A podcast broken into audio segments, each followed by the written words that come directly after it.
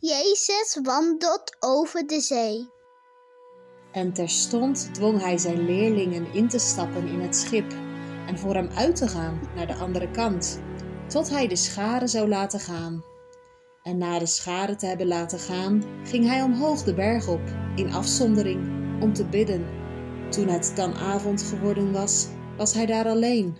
Het schip nu was al vele stadien van het land vandaan, in het midden van de zee, en werd gekweld door de golven, want de wind was tegengesteld. In de vierde wacht van de nacht nu kwam hij naar hen toe, wandelend over de zee. De leerlingen echter namen hem waar, over de zee wandelend, en werden verward, zeggend, Het is een spookverschijning. en zij schreeuwden van vrees. Meteen echter sprak Jezus tot hen, zeggend, Wees moedig, ik ben het. Vrees niet. Petrus echter antwoordde hen en zei, Heer, indien u het bent, beveel mij naar u toe te komen over de wateren.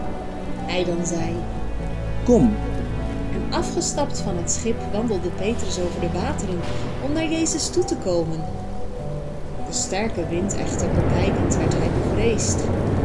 En hij begon te zinken en schreeuwende, zeggend, Heer, red mij.